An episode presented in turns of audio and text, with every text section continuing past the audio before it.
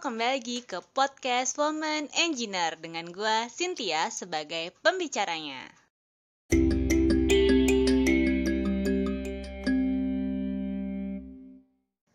Hai, episode kali ini kita mau ngomongin tentang masalah percutian dan bagaimana tips and trik cuti yang benar setidaknya menurut gue sebagai seorang hmm, kroco mumet di suatu perusahaan.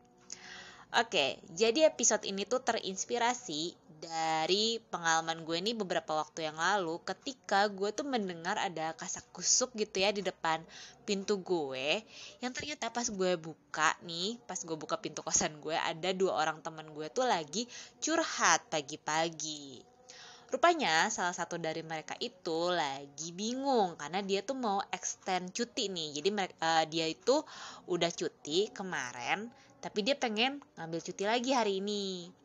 Alasannya karena dia tuh lagi merasa suntuk atau burnout dan butuh istirahat. Tapi dia tuh merasa bersalah untuk cuti di kosan juga nggak ngapa-ngapain. Ketika dia lihat semua teman-teman kosannya itu pada siap-siap pagi-pagi untuk berangkat kerja. Dianya masih pakai daster, belum siap apa-apa gitu lah kan gue bingung ya. Soalnya setahu gue dia tuh HRD gitu. Terus ya udah gue bilang ini lah kan lu tahu sendiri cuti itu kan hak semua karyawan. Ya kalau lu mau cuti cuti aja. Emang jatah cuti lu udah habis gue tanya gitu kan. Terus yang galau ini bilang ya enggak sih cuti gue kan baru terbit lagi tahun ini. Terus gue bilang ya udah cuti lah. Terus masalahnya di mana? Gue bilang gitu. Temen gue yang lain juga bilang ya iya cuti aja nggak usah mikirin kerjaan nggak usah overthinking. Kalau mau cuti ya udah nikmatin liburannya dengan tenang gitu. Dan gue tambahin lagi iya terus jangan buka laptop. Kemarin gue lihat lo di kosan malah buka laptop pas lagi cuti. Gue pikir lu WFH bukan cuti gitu loh. Kan gue jadi heran ya gitu kok ada orang yang masih ragu untuk ngambil sesuatu yang memang sudah haknya. Dia kan udah kerja keras nih, bahkan gue lihat juga sering sampai lembur. Tapi kok gak mau ngambil hak cutinya, merasa bersalah kalau cuti. Gue bingung deh, budaya macam apa yang ditekankan di kantornya sampai dia sendiri nih yang seorang HRD itu ngerasa enggan untuk ngambil cutinya ketika itu memang hak semua karyawan gini deh kalau lo udah ngerjain tugas lo sebaik mungkin, gak pernah liburan, bahkan mungkin hari libur di weekend aja lo masih mikirin kerjaan, masih buka laptop. Gue tanya deh, kapan badan dan otak lo istirahat gitu loh? Ya udah cuti aja. Lagian selama kamu masih jadi karyawan, kerja itu kan akan selalu ada bahkan sampai lu resign atau pensiun di hari hamin satu lu resign atau pensiun itu ya lu masih harus kerja masih ada kerjaan yang harus lu selesaikan pasti. Jadi udah deh kerja sebaik mungkin di waktu kerja. Kalau sudah waktunya cuti karena memang badan dan pikiran mau butuh istirahat ya udah ambil cuti izin baik-baik gitu kan dari jauh-jauh hari. Dan selesaiin kerjaan kamu sebelum kamu cuti. Dan cutilah dengan tenang gitu. Aduh sumpah deh gue heran banget sama common sense kayak gini tuh kok ya bingung juga orang gitu Aduh, oke oke. Mungkin banyak dari kalian tuh ragu-ragu untuk ngambil cuti karena kalian ngerasa beban kerja kalian tuh tinggi dan kalau kalian tinggal, takutnya tuh ntar pas kalian masuk lagi tuh jadi chaos gitu kan. Jadi kalaupun cuti, kalian malah jadi overthinking kekerjaan kalian dan berakhir dengan buka laptop alias hari cuti lu tetap kerja, cuman pindah tempat kerja aja gitu kan bukan di kantor tapi di mana kayak di rumah apa di tempat lu liburan whatever lah. Jujur kalau kalian kayak gitu kasihan banget hidup kalian. Nggak bisa nikmatin cuti. Kalau gue sih jujur ya nggak pernah. Cuti ya cuti aja. Mana pernah gue megang kerjaan. Kalaupun sempet megang kerjaan itu nggak akan sampai buka laptop paling banter minta tolong kolega buat check-in sesuatu yang ditanyain ke gue dan ya udah gue terusin aja si jawaban itu ke penanya.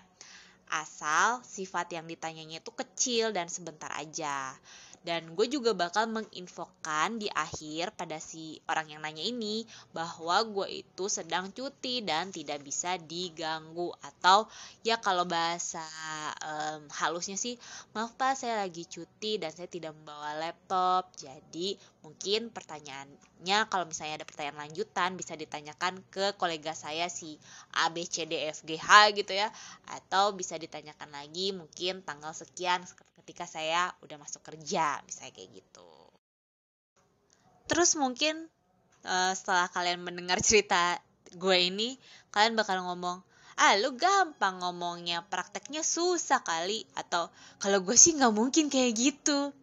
Gini gini kalau kalian menyanggah cerita gue asumsi gue kalian tuh belum menerapkan tips and trick buat izin cuti yang dianggap layak oleh bapak atau ibu bos kalian. Nih, gue kasih tahu ya tips dan trik ala gue.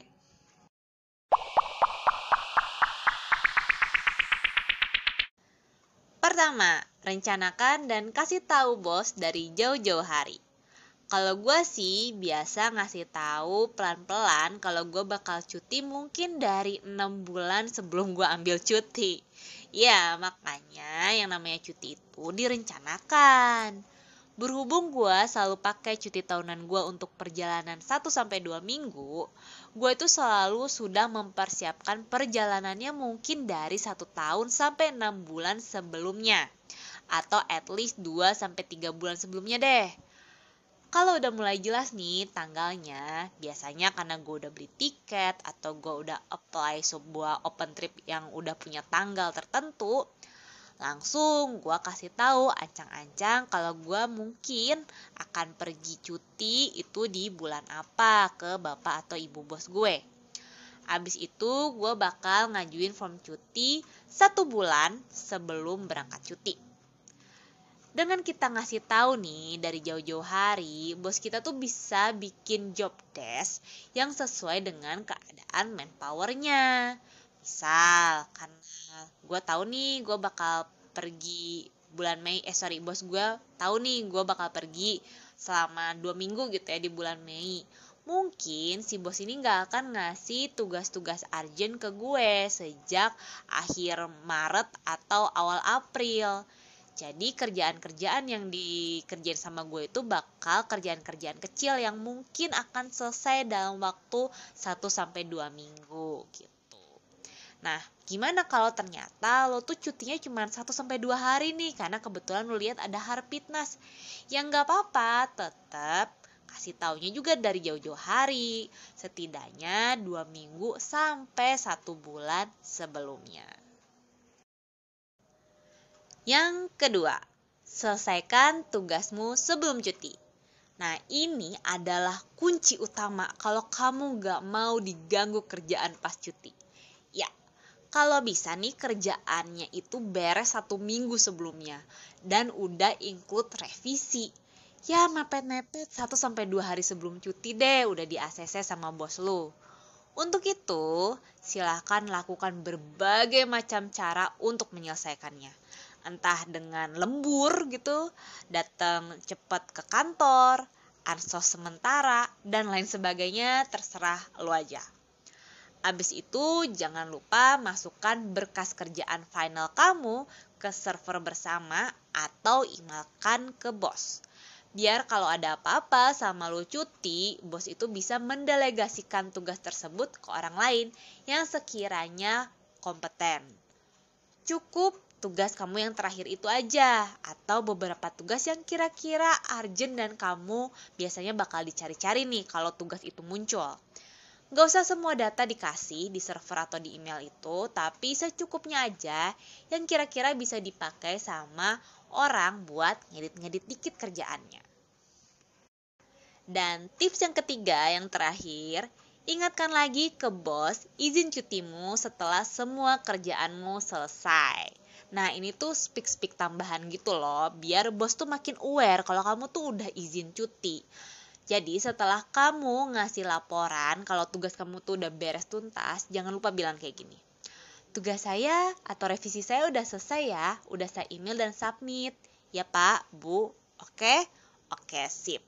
Besok saya cuti ya Pak, seperti surat izin cuti yang kemarin saya udah kasih itu loh Pak, gitu. Dijamin deh, bos akan melepas kamu cuti dengan senyum lebar karena tugas kamu tuh udah beres sampai tuntas. Gitu. Udah deh, gitu aja. Tadi ada tiga tips dari gue biar cuti lo selalu lancar tanpa dihuru hara sama kerjaan kantor. Semoga kalian bisa terapkan ya ketika kalian mau ambil cuti nanti. Ingat, cutinya direncanain dulu, jangan dadakan. Oke, Sampai jumpa di episode selanjutnya dari podcast Woman Engineer. Dah.